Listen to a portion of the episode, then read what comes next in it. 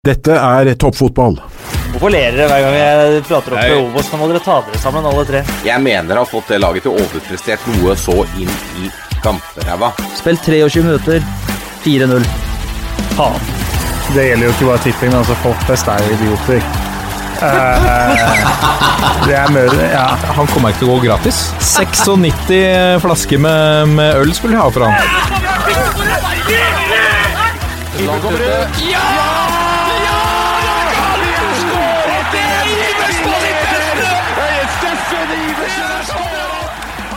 Og der er uh, toppfotball tilbake igjen. Vi nærmer oss uh, jul med stormskritt, men norsk fotball har ikke tenkt å gi seg med det første. Mye takket være både covid og, og NFF, uh, må kunne si, som gjør sitt ypperste i hvert fall for å få gjennomført denne fotballsesongen på denne sida av nyttår. nå er det deilig også, da, med midtukekamper og helgekamper og Gud vet hva. Det spilles midt på dagen, og, og det, er mye, det, er mye, ymse nå. Uh, Ole Martin, dere spilte i går en av, må vi kunne si, en av årets beste Og var det i går? Det, er det to dager siden nå? Uh, det var på mandag, ja. Stemmer. En av årets beste matcher, må vi kunne si. Uh, du ville ikke kalle det årsbeste, men, men tidspunktet er jo litt spesielt. Ja, det var, det var jo en viktig kamp, i hvert fall eh, for, for vår del. Det var jo for så vidt for Åsa nå, men det var, blir jo litt spesielt når de har eh, vært i isolasjon i, i en del dager. Men eh, det var en det var jo en bra gjennomført kamp på oss, ja, og om ikke årsbeste, så i hvert fall Den går nok inn på topp fem-lista, i hvert fall. Men var det ikke kampstart sånn klokka ett eller noe sånt? Jo, stemmer. Det er lunsjfotball nå både mandag og kampen i morgen. Når vi møter Stjørdalsblink også, så er det, er det lunsjfotball, som man har kalt det. Men hva gjør det med alle dine som har jobbet ved siden av? Får du, får du med deg alle, eller kan du risikere at det er noen som ikke kan få fri fra jobb? Eh, det har vel skjedd eh, to ganger i år at det er en spiller som ikke har fått fri fra jobb. Eh, men sånn i utgangspunktet så Vi visste jo det når, når korona kom og sesongen ble satt opp som den ble, så visste vi at midtukekamper vil forekomme. Og om kampstart er seks eller om den er ett, det har ikke så mye å si, for vi må uansett reise når det er bortekamper. Og når vi har hjemmekamper i midtuke, så pleier de fleste spillerne å ta seg fri fra jobb uansett for å lade opp. Så det, det, løser seg, den type ting, selv om det ikke er optimalt. Men i år er det jo lite som er optimalt, og det handler om å gjennomføre så godt som mulig. Mm. Lasse Wangstein, eh, velkommen.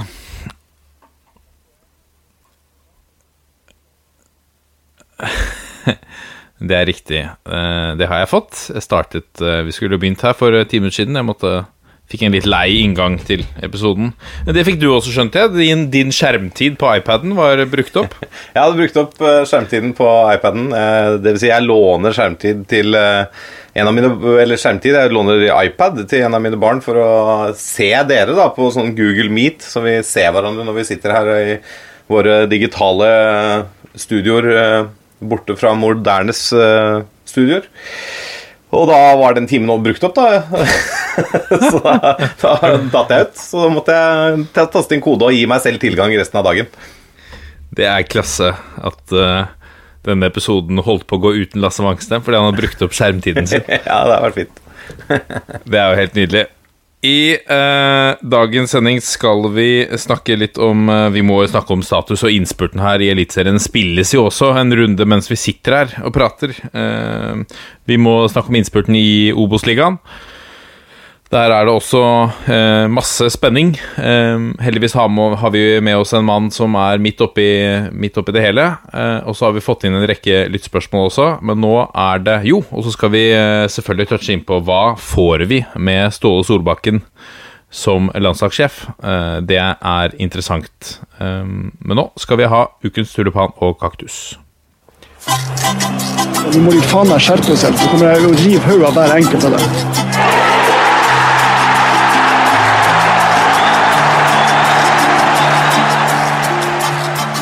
Og da er det klart for ukens tulipan og kaktus ved spaltens president Lasse Wangstein. Jo, takk for det. Eh, den uken her så hadde jeg egentlig lagt opp til én tulipan og én kaktus. Eh, eh, siste timers hendelser gjør at det blir to små tulipaner og en liten kaktus. Eh, og jeg begynner på bunn. Eh, For man skulle jo tro da at ukens tulipan gikk til nettopp nevnte Ståle Solbakken, som endelig og på tredje forsøk har takket ja til og faktisk starta i jobben som landslagssjef for Norge.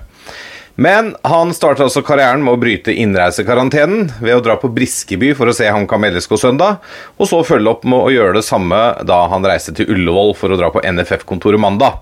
Han bomma med ikke mindre enn to dager på karanteneplikten sin. Det burde jo både han og NFF få kontroll på, og da blir det en litt trå start på landslagssjefskarrieren. Vi får håpe det går oppover i tiden som kommer, og så regner vi jo med at Ståle eh, lett klarer å betale den bota på 20 000 som nå venter for å ha brutt karantenen. Men eh, ja vi, altså, tømme, ser- tømme BSU-en, sikkert. ja, kanskje må tømme BSU-kontoen. Det er mulig. Nei, Ståle klarer seg nok, eh, og det er, det er ikke noe ille, det her, altså. Men det er jo litt funny at det skjer. eh, At han får den, eh, den inngangen til ting. Jeg, har, jeg, jeg jobber jo selv på Hamar og har snakka med folk som kjenner folk som var på Briskeby på søndag, og Ståle var i godt humør. og fløy rundt og delte ut high fives og klemmer han, så det folk han ikke har sett på lenge, så det er ikke helt ryddig, men jeg får håpe at han er frisk, da, i hvert fall, så at ikke det er Han er en superspreder. Hold avstand, osv. Hvordan er stemninga i eh, Ja, det er interessant. Du kan jo svare for Hamar, eh, Lasse, når du eh, befinner deg der i form av ditt arbeid. Altså, Ja. er, det, er, man happy for å ha fått en landslagssjef fra distriktet? Inntrykket mitt er at hamarsingene er veldig stolte. eh, Og at de har veldig trua på Ståle Solbakken som landslagssjef. eh, Så det, det er god stemning. Det var jo Dagsrevyen var det vel på den dagen han ble signert, var jo ute i Hamar og tok pulsen på en fotballpub. Og er, eh, to av de tre som ble intervjua der, er jo kollegaer. Så de, de var fornøyde. De var nede og så litt lunsjball, eller? Nei, det, dette var på kvelden, da. Okay, ja. Dette var i 21-sendinga. Ja, Ukens eh, første tulipan da, det blir jo en uh, Kall det gjerne en trøstetulipan. eh, for det er jo én spiller jeg føler litt ekstra med etter eh, den Obos-runden, den lunsjrunden som vi eh, så vidt har vært innom, eh, som var på mandag. Fordi Kongsvinger-spiss Jan Martin Hoel Andersen han presterte jo da med nedrykket. Han opplevde med Kongsvinger og rykke ned med to av to klubber han har spilt for inneværende sesong. Eh, For Øygarden, som han da starta sesongen i, de fulgte jo da selvfølgelig Kongsvinger ned til eh, Post Nord. Eh, Og han ble jo solgt da i forrige vindu, og krona sesongen med et nytt nedrykk. Den er jo mildt sagt ganske blytung, og jeg tenker jo at eh, Hoel Andersen han får bite tenna sammen og prøve å reise seg igjen, og så får vi satse på at eh, det her bygger litt karakter på et eller annet nivå. Jeg vet ikke om det gjør det, eh, og om det er så lett å tenke på det akkurat nå, men jeg syns han fortjener litt trøst, for jeg syns litt synd på han, for det det er jo noe det er jo noe spesielt med akkurat den varianten der, da. er tungt eh, på Gjemselund der oppe nå med, med sortien til eh, Kongsvinger. Det er interessant å se, da. Hva, hva, hva skjer nå? Er det Nå har Espen Nystuen holdt på deg veldig lenge. Uh, har han energi og iver, og er det stemning for at han også fortsetter eh, videre? Nå, nå fyller han jo mange hatter der oppe, så han kan vel både avsette og ansette seg sjøl, men, men Eh, hva er følingen din på, din på det, Lasse? Får vi se et Kongsvinger som ruster seg til å rykke rett opp neste år? Det er vanskelig å si. Det er, det er ikke kjempelett nødvendigvis å rykke rett opp igjen heller. Se på Fredrikstad, de brukte litt tid, de. Uh, stor klubb, masse, masse økonomi som man forventa skulle gå rett opp igjen. Eh, nå har- de jo tatt seg turen opp igjen, da. Men eh, nei, jeg, jeg syns det er vanskelig. Eh, man får jo dessverre da veldig ofte i fotballen over det lange løp litt som man fortjener. og det er, nå er, Kongsvinger er per definisjon et Post Nord-lag akkurat nå. Er, de er ikke for gode til å være i Post Nord-ligaen. De er for dårlige til å være i Obos-ligaen, og da er de Post Nord-lag. Så det Nei, jeg tenker Jeg, jeg syns det er vanskelig. Altså, det spørs jo sikkert litt hva som kommer inn av eventuelle midler, og hvordan de klarer å rigge seg. Jeg tror ikke løsningen med eh, daglig leder, som også er trener eh, og kanskje markedssjef, i lengden er optimal, da. Men det er kanskje veien å gå hvis de må nedjustere litt. Grann. At eh, personer må fylle flere roller. Så kanskje det funker i Post Nord, jeg vet ikke. Hva, hva tenker du om Kongsvinger i år, eh, Ole Martin? Er du overraska over at eh, det gikk som det gikk? Hvis du tar utgangspunktet i januar, februar og mars måned, da, før koronaen, så er det sjokkerende. Eh, da så Kongsvinger i treningskamper og sammensetning av stall, og det nye finske trenerteamet så veldig spennende ut. og de de, ja, rett før koronaen smalt, så rundspilte de Sarpsborg 08 i treningskamp på Sarpsborg stadion. Et 08-lag som bare noen dager før rundspilte oss. Eh, så, så, Kongsvinger hadde jeg og veldig mange andre i februar-mars klink topp fire i år. Og så skjedde det jo et eller annet i den koronatida. da, Hva som har skjedd der, det må jo de svare på. Om det er spillere som har slurva med egentrening, eller om Eh, det, har vært for mye egentrening. Eh, og den, den junimåneden som vi fikk i opptrening etter koronatida, eh, koronatida også, hvordan, hvordan, de har brukt den. Det, jo, det, må ligge en del i det, for det er jo veldig mange spillere som, på Kongsvinger som har underprestert i år. Og det så det er jo, som Lasse sier, det er veldig fortjent at Kongsvinger går ned. De har vært eh, blant de to dårligste lagene og vært det med ganske klar margin. Og så føler jeg, føler jeg med Espen Nystuen, for Kongsvinger har sakte, men sikkert under han sett ut som et bedre og bedre fotballag, men ikke greid å avgjøre kamper. De har spilt jevne, jevne kamper og, og slipper inn li, veldig lite mål under han. Men det handler om å vinne matchene, da, og det har ikke de vært gode nok til. Og det, det er eh, ganske sjokkerende. og og nesten litt sånn skuffende, for de bruker jo en del midler der oppe og har uh, ganske store ressurser. Så um, er det jo tilbake til den gode gamle, da, at i fotballen så er det ikke alltid det lønner seg å miste penger heller. Nei, det har vel uh, årets seriemester i Eliteserien vist til gangs. For eksempel. Så jeg er enig, enig, at det er litt synd på, synd på Martin Hoel Andersen. Han, han, liker ikke å bruke Jan. Men det, det er jo um, også fordi at han både på Øygarden og Kongsvinger har vært en av de beste spillerne. Så han mm. er jo en av spillerne på to lag som faktisk har hatt en ganske god sesong individuelt, men allikevel står med to nedrykk. Ja, det, det, er, det, er, litt brutalt. Serping for øvrig, det er eneste minuset, men. Ja, ok. det er greit, da blir ikke det Strømmen spiller, selv om Strømmen gjerne henter fra divisjonene under. Da vet vi det. Eh, jeg har en liten tulipan til, ehm, og den Uh, den er bred, altså. Eller ikke bred, den er jo i topp, men den går jo til Eliteserien. Uh, personifisert ved Bodø-Glimt, som i dag har passert 100 skåringer i Eliteserien. Det er noe sånn som 3,45 mål i snitt per kamp. De har én kamp igjen å spille. Og eh, Kasper Junker har nå skåra 25 mål på 24 kamper. Han har skåra en fjerdedel av måla.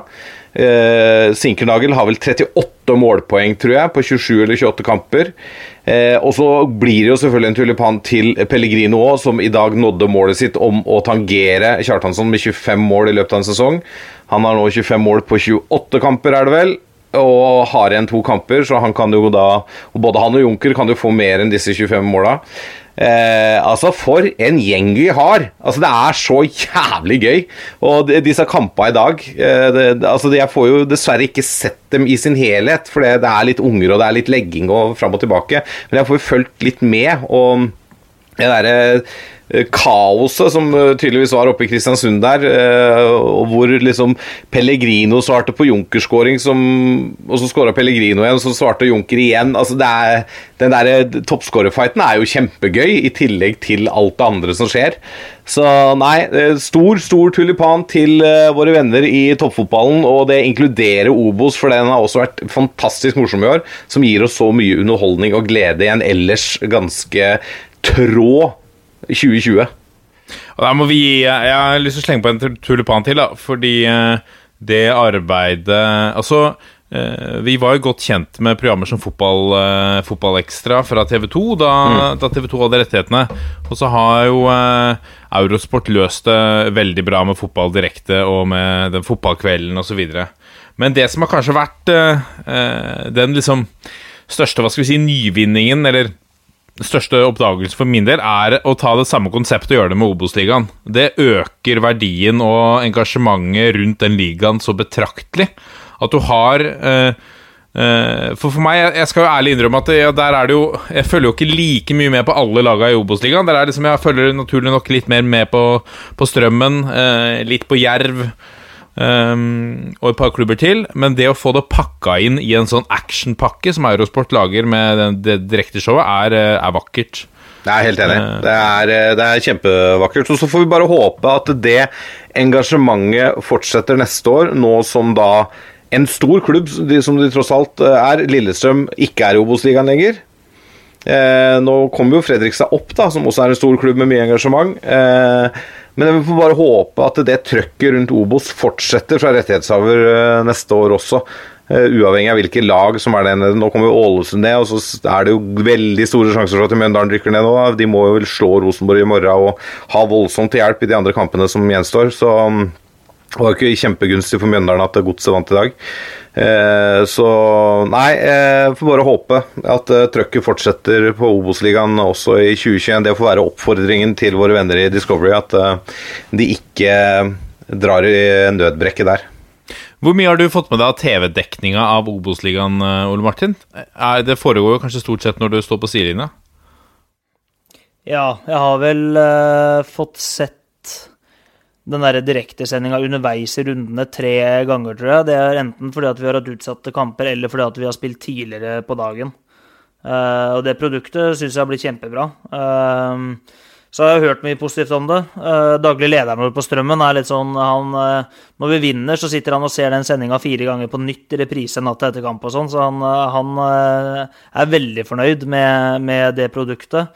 Så, og, og, vi, det er klart spesielt vi i Strømmen, da, som tradisjonelt sett ikke er i nasjonal medias søkelys hver eneste dag, vi merker jo en veldig stor forskjell, og det vet jeg de andre klubbene gjør òg, at det har vært større engasjement rundt ligaen i år, og det er mer interesse, og det er utelukkende positivt. Så eh, vi klubbene har jo også gitt en tilbakemelding om at vi ønsker det også neste år, og vi er villige til å spille på andre dager for å få det. Eh, altså andre dager enn Eliteserien for å få det. Og da håper jeg også at neste steget er at de er enda mer ute hos klubbene og lager, eh, lager videoreportasjer til hjemmeside og til sosiale medier òg, for å for å få det til å bli enda større. For uh, selv om jeg ikke er helt uh, Selv om jeg er litt inhabil, så syns jeg Obos-ligaen også er et ganske godt produkt. Det er mye gode spillere, og det er mye gode lag, og det er eh, mange supportere og mange som bryr seg om laga der. og så det går an å bygge enda mer videre på det Og du har jo den, den ekstra faktoren som Eliteserien ikke har, nettopp det at det er så innmari kort vei mellom, mellom bunn og, og plutselig å kvalifisere seg og så spille kvalik til Eliteserien. Ja, det er jo ehm, Vi må jo Vi må slå Stjørdalsblink i morgen for å være sikre på å holde plassen i nest siste runde, men vi har fortsatt teoretisk mulighet til å komme topp seks. Det er ikke så veldig mange andre ligaer hvor det er sånn. Eh, så det, og, og, og, nå er jo akkurat året i år har vært helt ekstremt òg, fordi det har vært bra nivå på de lagene i bunn. Man har tatt uh, rekordmye poeng. Men, uh, men uh, det er en helt sinnssyk liga. Ja, nei, jeg, jeg, støtter det veldig, eh, det Ole Martin sier. Og, og samtidig så må også gi eh, litt kred til en del profiler i Obos-ligaen som har bydd på seg sjøl. Eh, om det er i sosiale medier eller de gangene de blir intervjua og sånne ting. Altså det, er, det er en del unge fremadstormende trenere der, inkludert vår mann i, i, studio her, og i noen andre klubber også. Og det er, det er, det er faktisk ganske profiltungt i Obos-ligaen. Så det, det, det, de fortjener oppmerksomheten, og de fortjener faktisk enda mer, for det er gøy for norsk fotball. Nå kommer pulsen.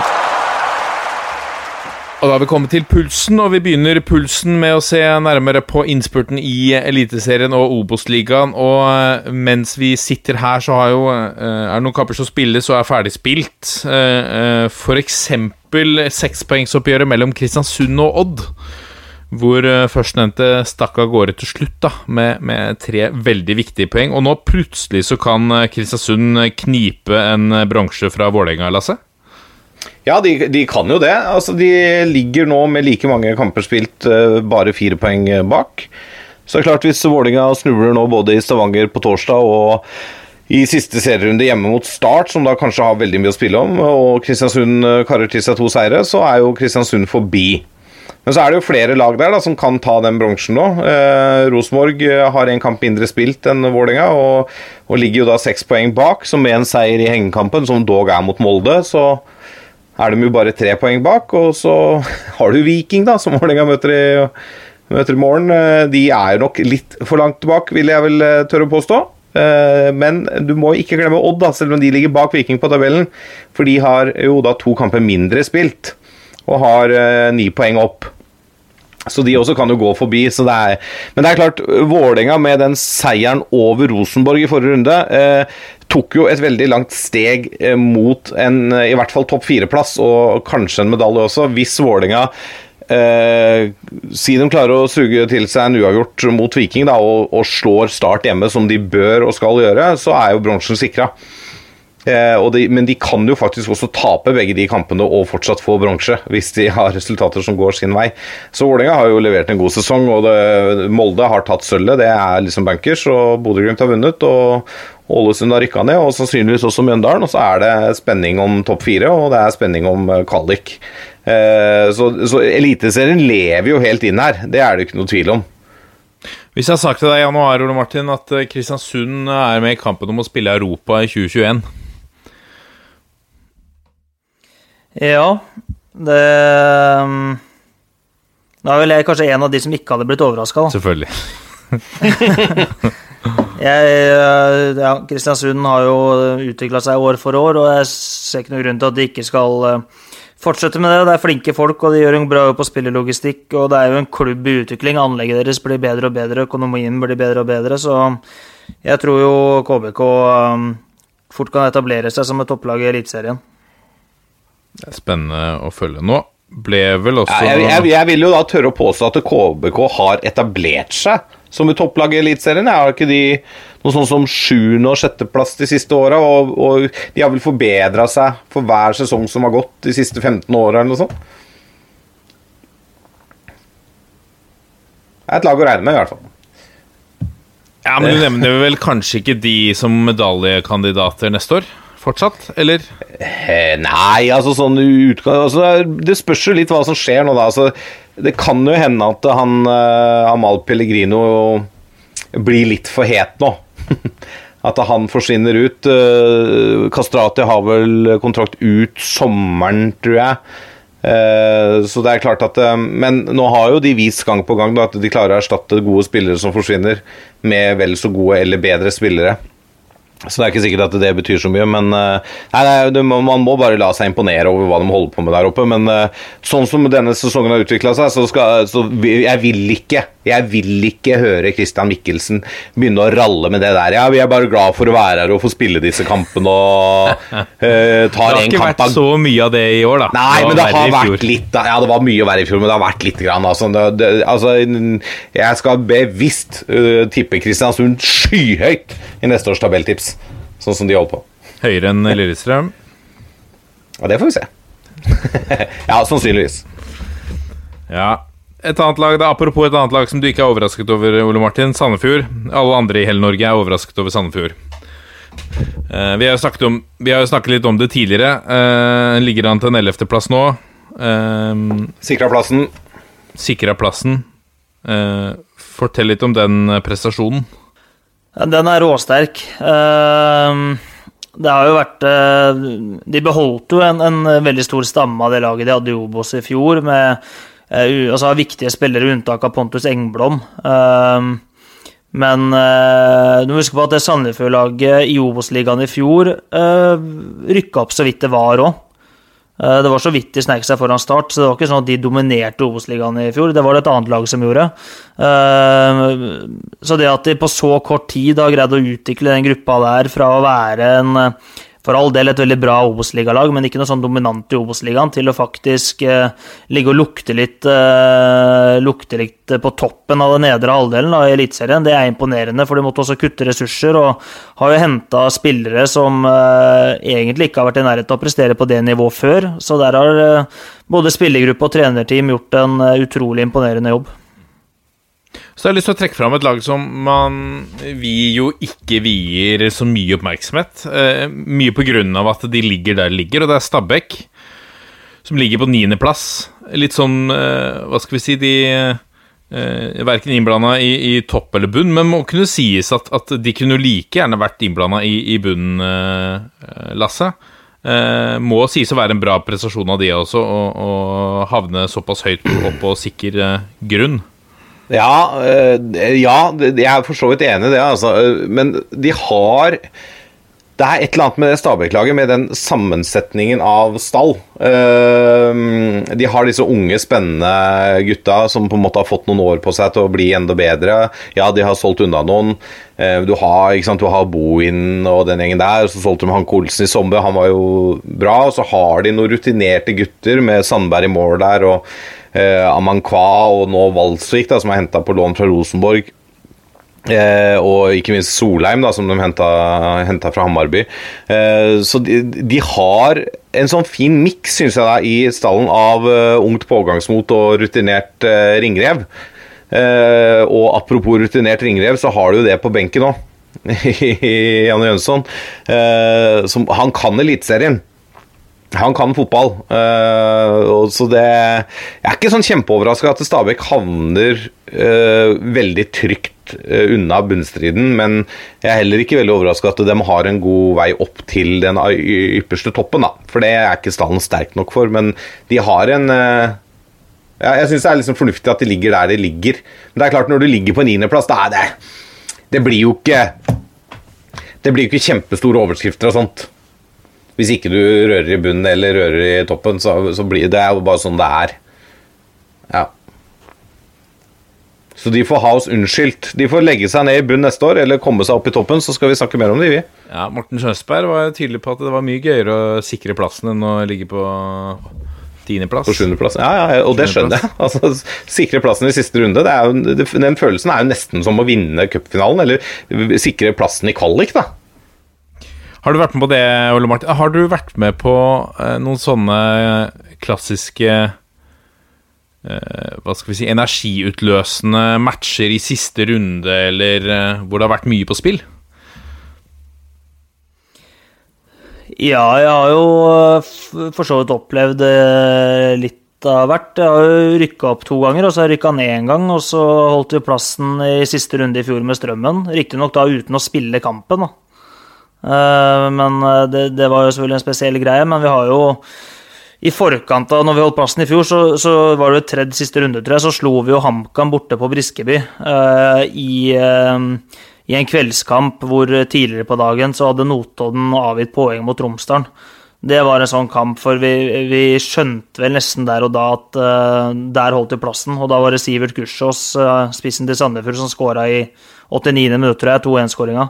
Eh, så jeg har hatt noen sånne opplevelser. Eh, så har jeg jo eh, med Trosvik, da, uten å sammenligne nivå, så var jo Trosvik første året, så rykka vi opp Da var første gang vi lå på opprykk, var før den siste runden. For da slo vi det laget som lå på andreplass, Ås, nest siste runde, på bortebane 1-0.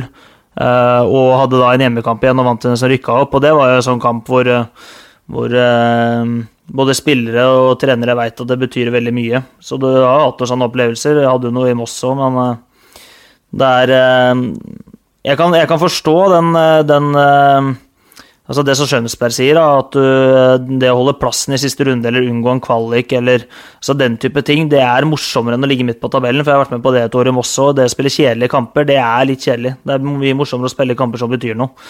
Og der er vi heldige, heldige med Strømmen, da, som er i Obos-ligaen. Der betyr jo alle kamper eh, alt. Så det, det er ikke noe kjedelige matcher sånn sett.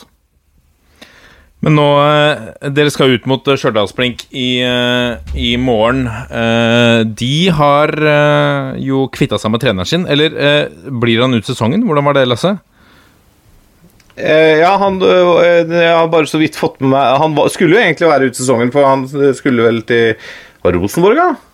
Som et eller annet. Eh, men så har, nå har han vel fått fyken med to runder igjen. Nå må han gå av på dagen. Er ikke, stemmer ikke det?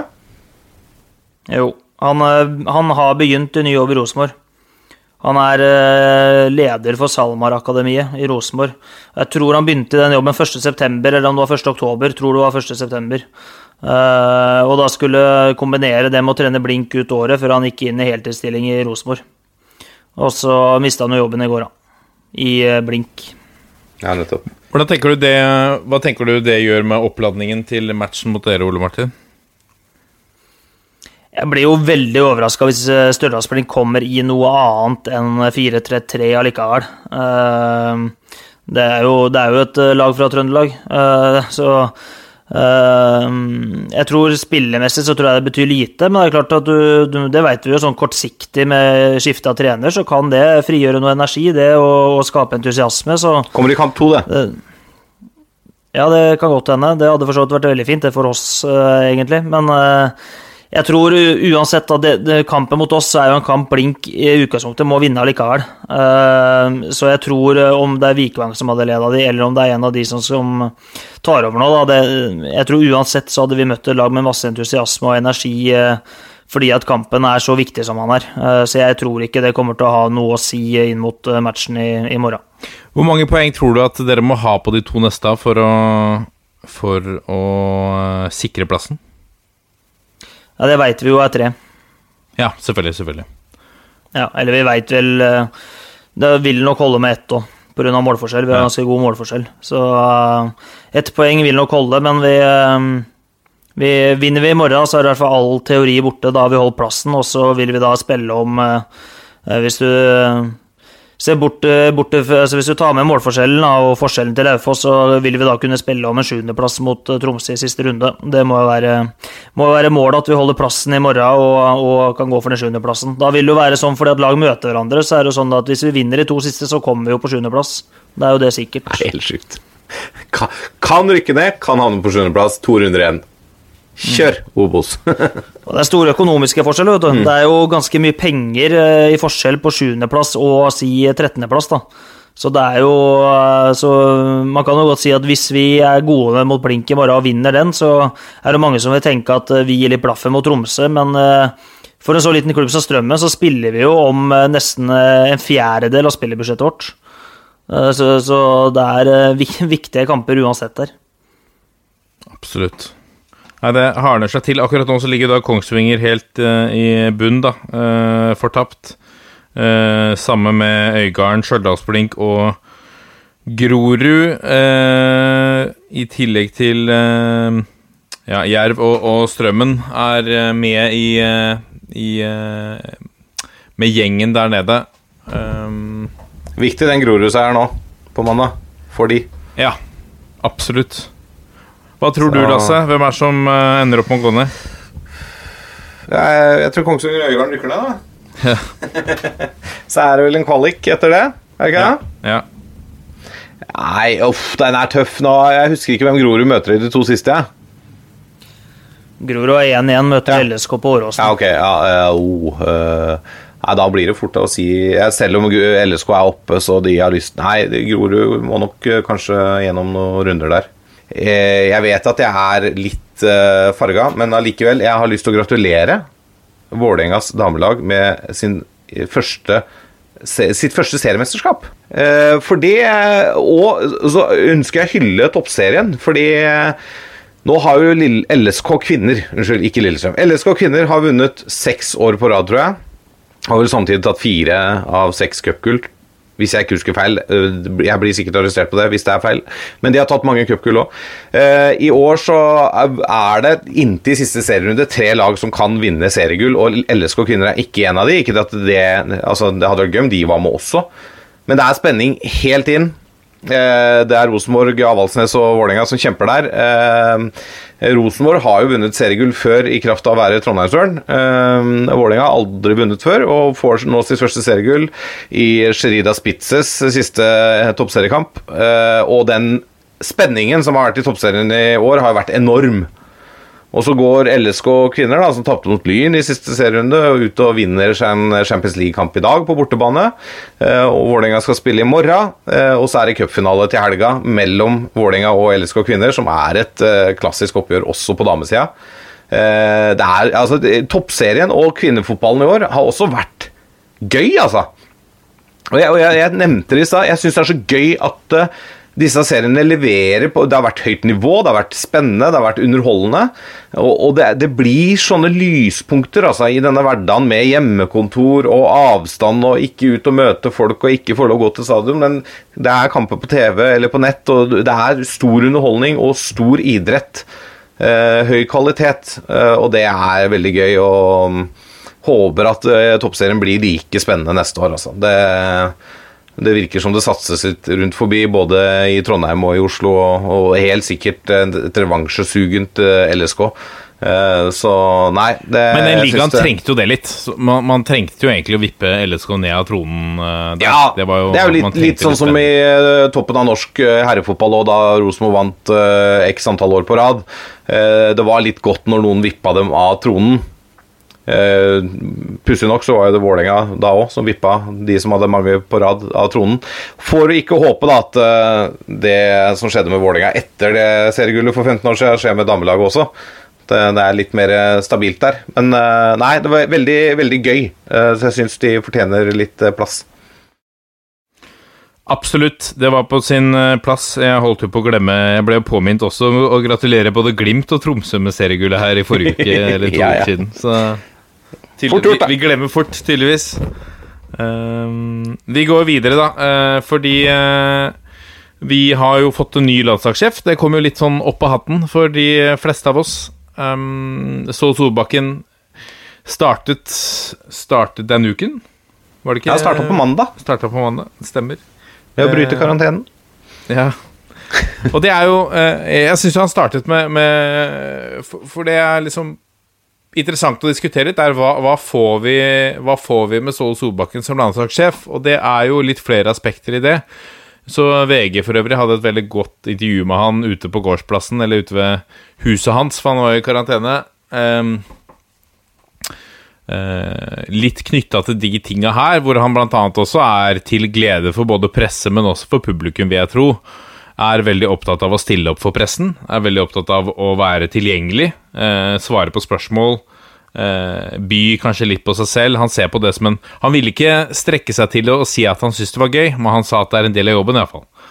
Um, og det må jeg si er, et, eh, er veldig gledelig. Det er ikke det at Lars Lagerbäck har vært det motsatte, men, men eh, ha en som kanskje bruker pressen litt mer, syns jeg hadde vært eh, Men jeg, jeg, han blir jo på mange måter lettere tilgjengelig fordi han er bosatt i Norge òg, da, og er norsk. Og det er, det er ikke noen forkleinelse for Lars Lagerbäck, det som bodde i Sverige og er svensk, men eh, Og så er de forskjellige typer. Ikke sant? Det, det, det er det jo. Eh, og så, så jeg er jo Altså, Jeg har jo ønska Ståle Solbakken som landslagstrener i mange år, og det tror jeg det er flere som har gjort. Jeg syns han er det beste norske alternativet vi har per nå. Så får vi bare håpe at han lykkes. Fordi vi er litt sultefora på landslagssuksess. Ja, Lagerbäck har gjort det bra. Han har løfta oss 40 plasser på Fifa-rankingen. Vi har hatt masse gode opplevelser, men vi har røket når det har gjeldt som mest. ikke sant? Så får vi se da om Solbakken, som har nå god erfaring fra klubbfotballen med å ta en underdog, da, som på mange måter FCK har vært, til Champions League år etter år. Og gjort det bra der. Eh, om han klarer å overføre det til landslagsfotballen. For det er noe annet å trene et landslag enn et klubblag, eh, føler jeg meg ganske sikker på. Du har ikke like mye tid med spillerne. Eh, det er liksom spillere som kommer fra forskjellige klubber, forskjellig spillestil, som skal på en måte formes inn i landslagsforma i, i løpet av en uke før noen kamper. Eh, og, og de tingene der. Men jeg tror vi har fått en mann som på en måte er så fotballklok og eh, såpass eh, ærgjerrig og engasjert at eh, det vil smitte over på spillerne som får muligheten da, til å bære flagget på brystet. Ole Martin, hvor godt eh, kjenner du eh, vår nye landslagssjef? Jeg kjenner ikke han godt i det hele tatt. Har jo naturlig nok møtt han i noen settinger og prata litt med han, men kjenner han overhodet ikke privat. Hva tror du likevel at, at vi får med, med han i sjefsstolen? Altså, har han noe liksom Nå skal ikke jeg skryte meg å ha fulgt FCK tett i, i de siste åra, men hva slags fotball kan vi forvente oss? Eller hvilke endringer tror du at vi kan forvente oss på banen? Jeg har jo sett FCK ganske mye, faktisk. Jeg, syns dansk fotball er bra nivå, eh, og um, har eh, funnet en del inspirasjon i, FCK siste åra. Det som gjerne kjennetegner eh, laga til Ståle på sånn grunnleggende nivå, er jo at man er ekstremt godt organisert og står veldig, veldig godt fysisk. Så ville man jo som landslagssjef ikke ha eh, hovedkontrollen over den fysiske formen til spillerne. Det er det spillerne sjøl og klubbene deres som, som må ta ansvar for. Eh, men jeg ser for meg at, eh, at eh, Norge kommer til å fremstå som ekstremt godt organisert. Det har man også gjort under Lagerbäck og Perry. Eh, som jeg syns har gjort en formidabel jobb, bare så det er sagt. Og, og jeg syns det er synd at de ikke ble takka på en bedre måte. Eh, så har jeg fått sagt det. Um, men Ståle er nok litt mer tilpasningsdyktig og tilpasningsvillig enn det kanskje Lagerbäck er, ut ifra motstand. Lagerbäck er jo 4-4-2 soneforsvar uansett, som du f.eks. blir tatt litt på mot Serbia. Der er, er, nok Ståle mer tilpasningsvillig. og og tar, Han tar nok alltid utgangspunkt i soneforsvaret, men det er jo Uh, forskjellige grader av soneforsvar, og hvor på banen og i hvilke faser du praktiserer rein sone, når du eventuelt kan gå over til uh, preg av mannsmarkering, uh, og om du presser i 4-4-2, 4-4-1 igjen, 5 igjen.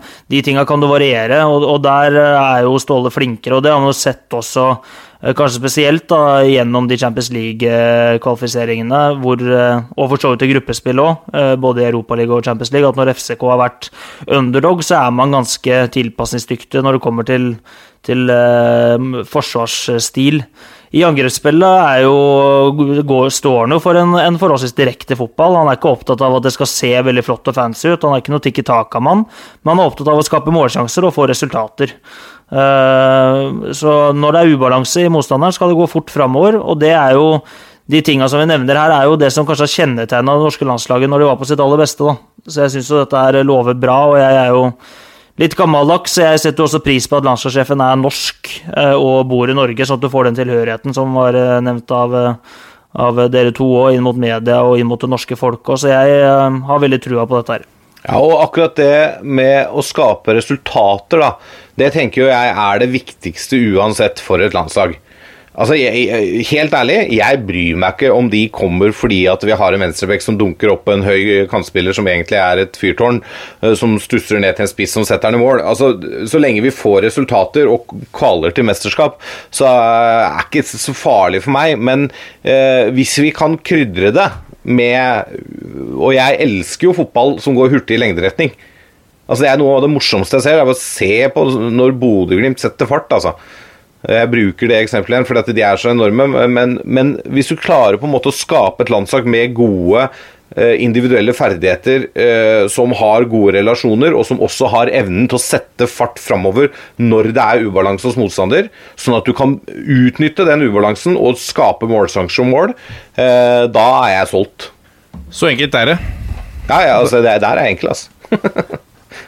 Ja, det er eh, Nei, det blir, eh, det blir jo meget spennende første test i, i mars, uh, vel. Da Vi må nevne, da. Må nevne også i forbifarta Jeg skal ikke bruke så mye tid på det i dag, men VM-kvaliken kunne vel, kort oppsummert, kunne gått bedre, kunne gått dårligere. Jeg husker jo kvaliken til 94-VM. Da møtte vi vel både Nederland og Tyrkia i, i gruppa. Det gikk jo veldig bra. Ja, Var det ikke Tyrkia, Nederland, Polen og England eller noe sånt? da? Det stemmer. Litt verre gruppe, ja. det, da. Ja, den høres jo verre ut eh, sånn isolert sett akkurat nå. Eh, ja, nei, altså, det, det er jo som du sier. Vi, det er jo noen lag der som du skal slå hjemme borte uansett, og så er det noen lag der du bør slå hjemme og kanskje bør ha en uavgjort borte på, og så er det et lag som på en måte kanskje er litt for gode til å slå noe sted, men får du en uavgjort hjemme, så skal du ikke være så misfornøyd, og da kanskje du har en andreplass.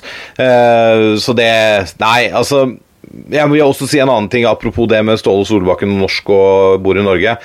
Han, eh, jeg var jo solgt når noe av det første han sier på pressekonferansen på fredag, er at eh, det første jeg skal gjøre, er å dra og se Vålerenga-Rosenborg på stadion.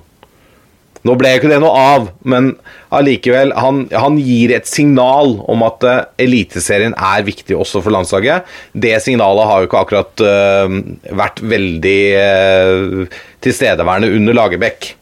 Og Nei, og Det er oss... kanskje noe vi kan kritisere han direkte for, ja. er hvordan han har håndtert det der. For han har jo snakket ned vår egen ja. liga. Som jeg han har det. Litt, Altså Jeg sier ikke at dette landslaget kommer til å ha en stamme av eliteseriespillere, men det er, det er, en del gode uh, norske spillere i Eliteserien nå. og uh, det er, Selvfølgelig er det bra at landslagstreneren reiser rundt og ser norske kamper også.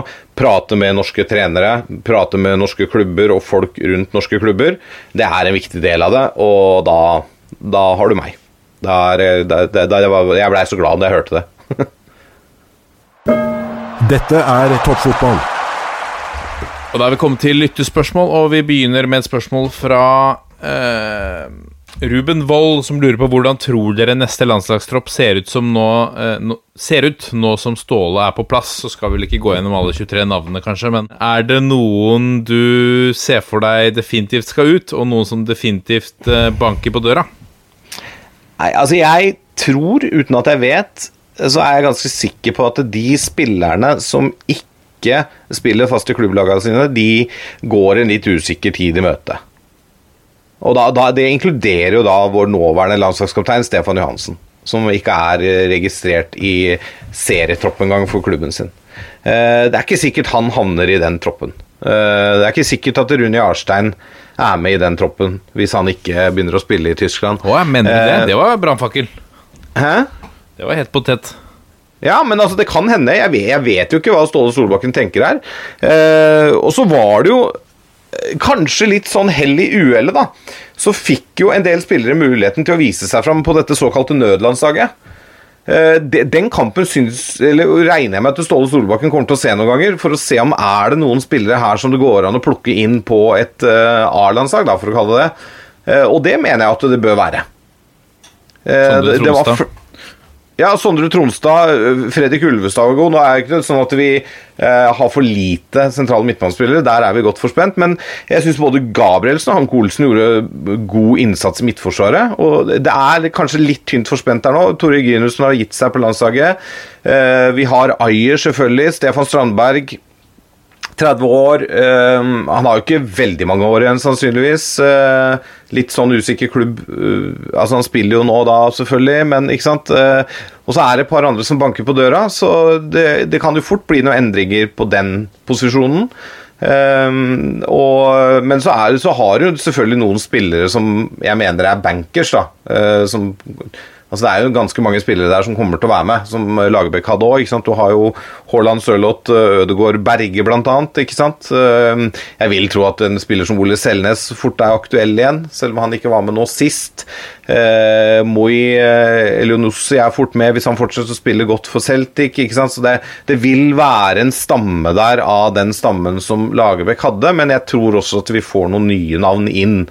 Ehm, og så er jeg litt spent på den keeperplassen, da, hvis Jarstein ikke får spille og Solbakken går for at han skal ha spillere som spiller fast. Men det er klart André Hansen i Rosenborg spiller jo fast, og han er jo en solid keeper. Uh, han kjenner jo Sten Grytebust godt, selv om han ikke spiller så mye akkurat nå.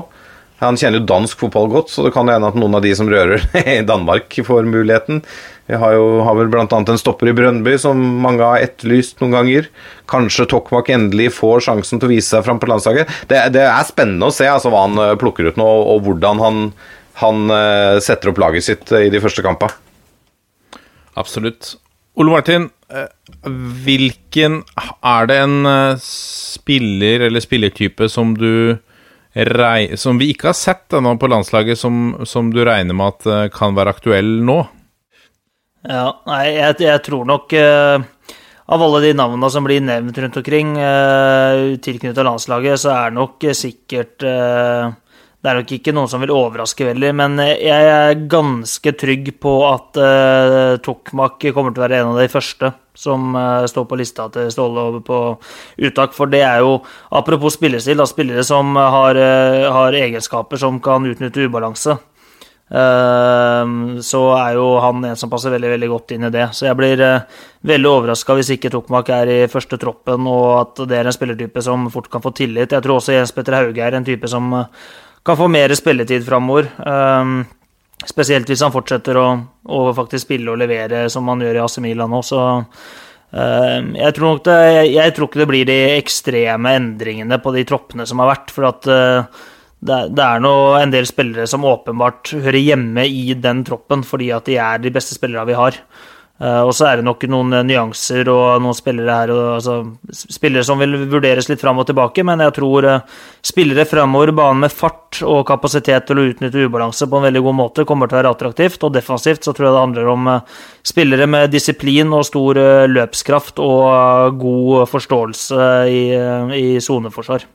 Og det, det vil jo stemme bra med det Lagerbäck også har tatt ut. Og så kan det hende det vil være større forflytningskraft og mer kamptrening på spillere i noen posisjoner. Det blir eh, spennende. Vi får håpe, da. Jeg håper jo. Det er jo en toppfotballvenn, eh, Toki. Uh, får håpe han endelig får uh, muligheten. Nå ble han jo frarøvet. Han sto jo på lista nå til nødlandslaget også, men måtte gi seg pga. en skade. Uh, vi tar et spørsmål fra Ola Jårdal. Er Rashani den perfekte kantspiller Brann kan få nå? Gratis og godt kjent med Kåre. Kantspillerne til Brann har vært svake. Ja, jeg er litt usikker, jeg. For uh, hvor mye spilte egentlig Rashani da han var leid ut uh, til uh, Kåres Rosenborg? Det er et godt poeng. Det var ikke veldig mye. Nei. Det var ikke veldig mange kamper å starte der. Det var ikke sånn kjempevellykka låneopphold. Så jeg er litt usikker på, selv om man kjenner Kåre godt, om han er riktig mann for Brann. Åpenbart en god spiller og alt det der, og det kan godt hende at han hadde passa bedre i Kåres Brann enn Kåres Rosenborg. Det vet man jo ikke, da. I hvert fall Hvis han hentes og skal satses på, så er det kanskje noe annet enn å ha han på en korttids. Men uh, jeg er litt usikker. Ja.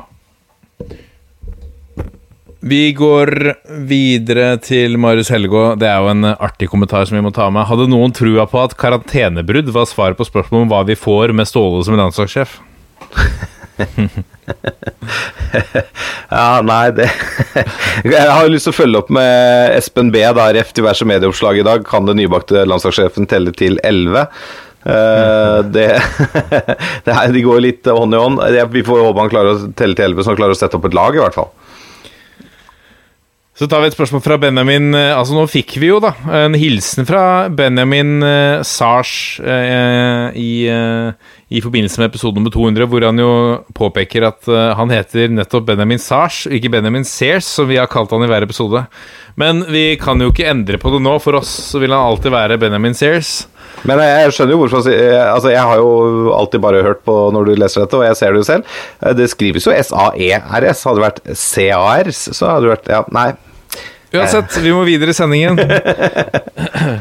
Uh, han lurer på Benjamin Sears altså lurer på Kunne vi fått til Lasse sin topp tre grunner til at LSK sitt opprykk er bra for norsk fotball, uten å nevne Vålerenga?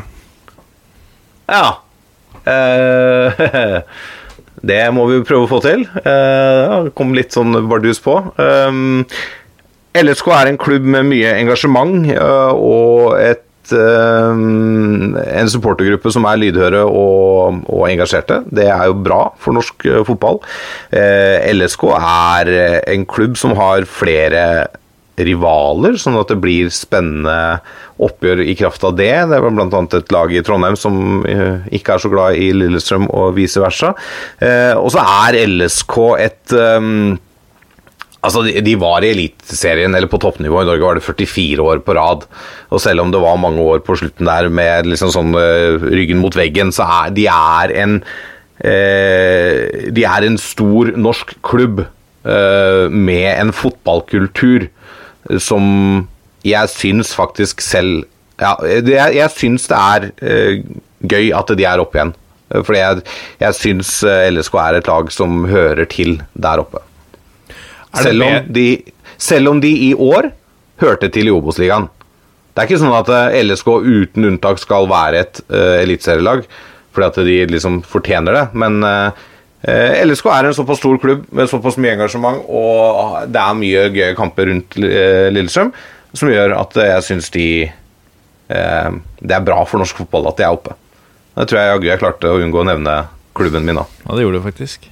Ole Martin, hvis du kan velge mellom uh, eh, LSK i Obos eller LSK i Eliteserien, hva velger du da?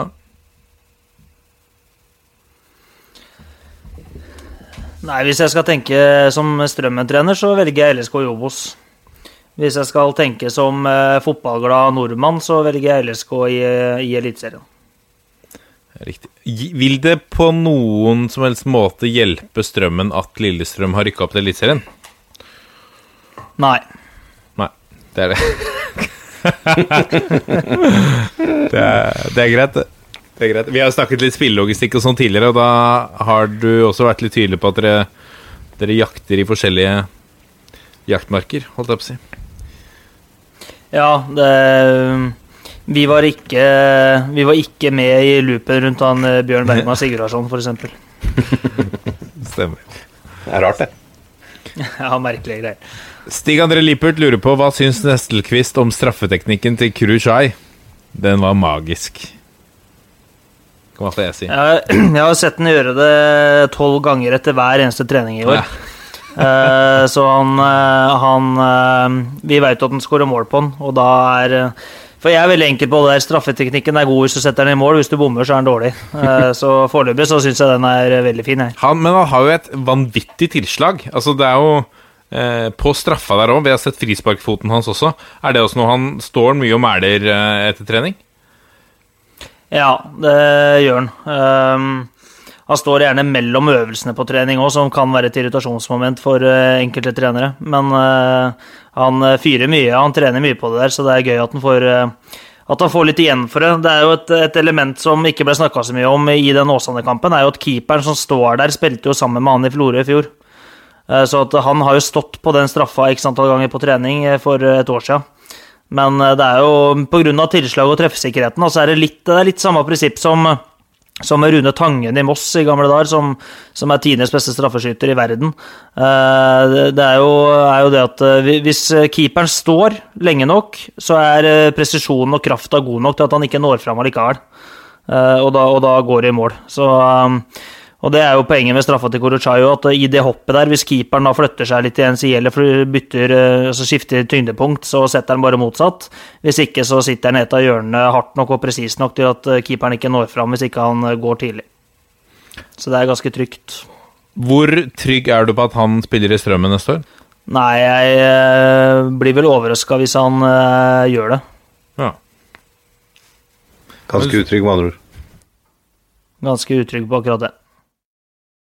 Eh, eh, Jonny Normann Olsen lurer på om Strømmen og hovedtrener Nesselquist bør arresteres for fotballmord etter massakren på Myrdal. Ja, fotballmord. Da, da ville jeg arrestert eh, KFUM først, som sender Øygard ned med 6-0 i sekken. er- Eh, så da, da får vi stelle oss i kø, i så fall. Ja, den var beina, rett og slett. Eh, runder vi av med et spørsmål fra Marius uh, Nettils. Han lurer på hva er det rareste utbruddet Ståle kommer til å få på sidelinja som landslagssjef. Her har vi jo Jeg husker jo fra tidligere i hans trenerkarriere, så var han jo enda galere enn han er nå. Han sier jo selv han har roa seg litt, men han Han, eh, han eh, I hvert fall måten han feira på som spiller, eh, kunne vurdere om han eh, om han skulle legges inn. Ehm, uh, og så har han sagt at han har tona den ned litt. Hva, hva tror du, Lasse? Får vi se han opp i strupen på eh, noen eh, prominente landslagstrenere som er her på besøk, eller uh, Kan vi få Vi har vel til gode å få en utvist landslagstrener, eller? I historien? Jeg husker i hvert fall ikke det. Eh, men uh, Nei, utbrudd Altså, det, det, det er jo det som er litt gøy med da. At han har det engasjementet og eh, det, de, de, de klikker, at det klikker av og til, rett og slett. Eh, litt sånn eh, Hva er det Tom Nordli pleier å si? Kontrollert sinnssyk. Eh, så jeg tror vi kan få litt sånne gøye ting. Eh, og litt fighter eh, Litt heftige disputter med noen andre trenere og og fjerdedommer og dommer og motstanderspillere og sånn, det Jeg håper jo vi får noe sånt. Jeg, jeg elsker jo det her. Så ja, nei, det Det blir, eh, blir vanskelig eh, å spå hva det gøyeste utbruddet blir, men jeg tror det blir noe gøy. Har du noen tanker om det, Ole Martin? Hva, hva er det sprøeste du har gjort på sidelinja? Eller sagt?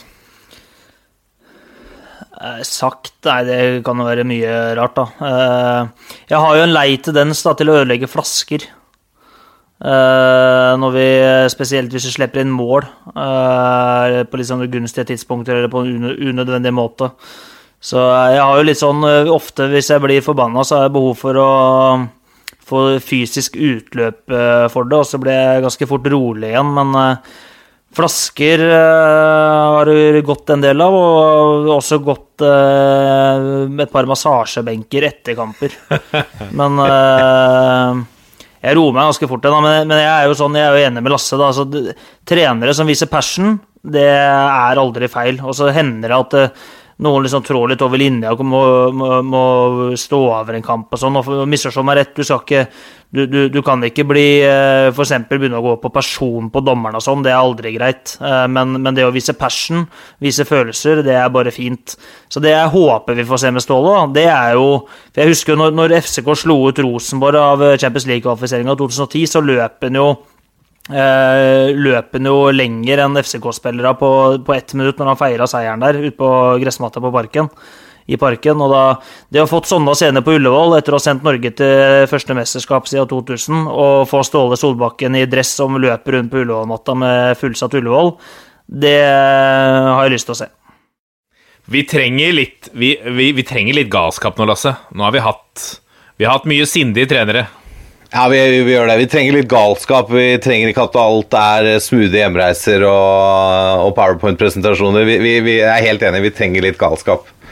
Men uh, Martin, jeg har blitt så husvarm da, etter at jeg av og til har fått lov å være litt programleder her. Så uh, selv om du sa at dette var det siste, så ønsker jeg etter inspirasjon av en lytter uh, å avslutte dagens sending før du gjør de vanlige avslutningene, med å ta oss litt tilbake i tid. Vi skal 20 eh, år tilbake i tid, til 22. oktober 2000. Det er fotballkamp eh, i Eliteserien hvor eh, en mann ved navn Asbjørn Helgeland har sendt Haugesund i ledelsen 1-0 over Lillestrøm eh, i det 62. minutt. 19 minutter senere så blir Helgeland byttet ut til fordel for en 21 år yngre debutant ved navn Christian Grindheim. I dag, over 20 år senere, så spilte Christian Grindheim sin siste hjemmekamp i Eliteserien for Haugesund. Christian Grindheim er seriemester i norsk fotball. Han har spilt 285 eliteseriekamper. Han har vært proff i Nederland og i FCK. Uh, han har skåra 30 eliteseriemål. Uh, han har vært uh, på landslaget. Han har vel sågar båret landslagskapteinsbindet òg, tror jeg, et par ganger. Skåra mot Tyskland. Skåra mot Tyskland i var ikke det Høgmos første kamp, tru? Drillos. Drillos, eh, Drillos versjon 2 første kamp, borte mot Tyskland. 1-0-seier. Eh, jeg tror, eh, som Vegard Wieland Helgesen sier Bruk noen setninger på å hylle Christian Grindheim, som spiller sin siste hjemmekamp på onsdag. Og det er det vi gjør nå. Vi hyller Christian Grindheim for en eh, vel blåst karriere han var 17 år da han debuterte, nå er han 37, og nå legger han skoa på hylla og skal inn i noen roller i Haugesund. Uh, en fantastisk uh, type. Jeg kjenner han litt sjøl. Han blir jo kalt Grinepelle av folk som kjenner han godt. Hater å tape, om det er kortspill på trening eller kamp. Uh, kan fremstå litt sur og grinte, men er en jævlig morsom morsom type, altså. Og for en karriere. Så eh, i dag Kristian Grinheim, så hyller vi deg, en av de store i norsk fotball de siste 20 årene. Ja, det må jeg kunne si. Jeg, jeg syns han alltid er eh, Selv om han kan være litt sånn sutrete, så er han alltid sånn Han, han er alltid, i hvert fall i møte med prestene, litt sånn uh, smiler på, på, lur. Selv hvis de har tapt 4-0, så, så, er han selvfølgelig sur og grinte, men han har uh, litt galgenhumor og, og uh, Jeg tror ikke han liker sjøl å være så sur. Men, jeg, lurer, jeg, jeg, husker ikke om det var Steffen Iversen eller Reka som begynte å kalle han Grinepelle. Jeg lurer på om det var Steffen, altså. Og det var jo pga. noe tapte kortspill og noe greier, da. Ikke sant? Og det, det, jeg tror det skjedde på en treningsleir i, i Tyskland eller noe sånt, ja, hvor han var skada, for han brakk jo beinet vet du, første treningskampen sin for Vålerenga. Og så kom hun tilbake og spilte seg til fast plass på laget og ble seriemester første sesongen der eh, som unggutt. Eh, men eh, jeg tror det var da, han fikk det kallenavnet av Steffen. Grinepelle. Jeg husker en match eh, Nå er vel det snart seks år siden. På eh, Ullevål var kanskje det. Strømsgodset kom på besøk, og norsk landslagsfotballs store framtid, Martin Ødegaard, 15-åringen, entrer banen. Uh, alle gleder seg sånn til å se han og har, er, har så høye forventninger.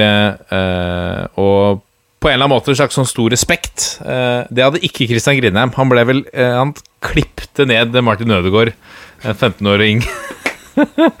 Velkommen til Eliteserien. Velkommen til Eliteserien. Eh, da har spilt ti minutter, tror jeg. Så var det han skulle, han, Den gangen også så stilte man skapet der det skulle stå. Ja, det er bra, det. Det er nydelig. Nei, Christian Grindheim, en av de store, som du sier, Lasse, de siste 20 årene. Skal vi si det er greit, da? Ja, da, da, da er jeg fornøyd. Da er du fornøyd. Vi er uh, Toppfotball på Facebook, uh, Twitter og Instagram. Uh, legg ned rating òg, så blir vi happy. Eller send en mail til toppfotball at 451.no. Og så må jeg ærlig si at jeg veit ikke helt når vi er tilbake. Det kan være neste uke. Det kan uh, drøye litt. Får vi, vi får se litt hvordan ukene framover er. Det er uforutsigbar tid, altså. Ja, det er uforutsigbar tid, og det er mye som skjer, og det er snart jul og eh, alt det der. Det er mye, som, eh, mye logistikk som skal på plass, og, så vi, vi, vi er tilbake når vi er tilbake, tenker jeg. Absolutt. absolutt. Så runder vi av på 1, 2, 3. Vi er en gjeng. Ha det. Ha det!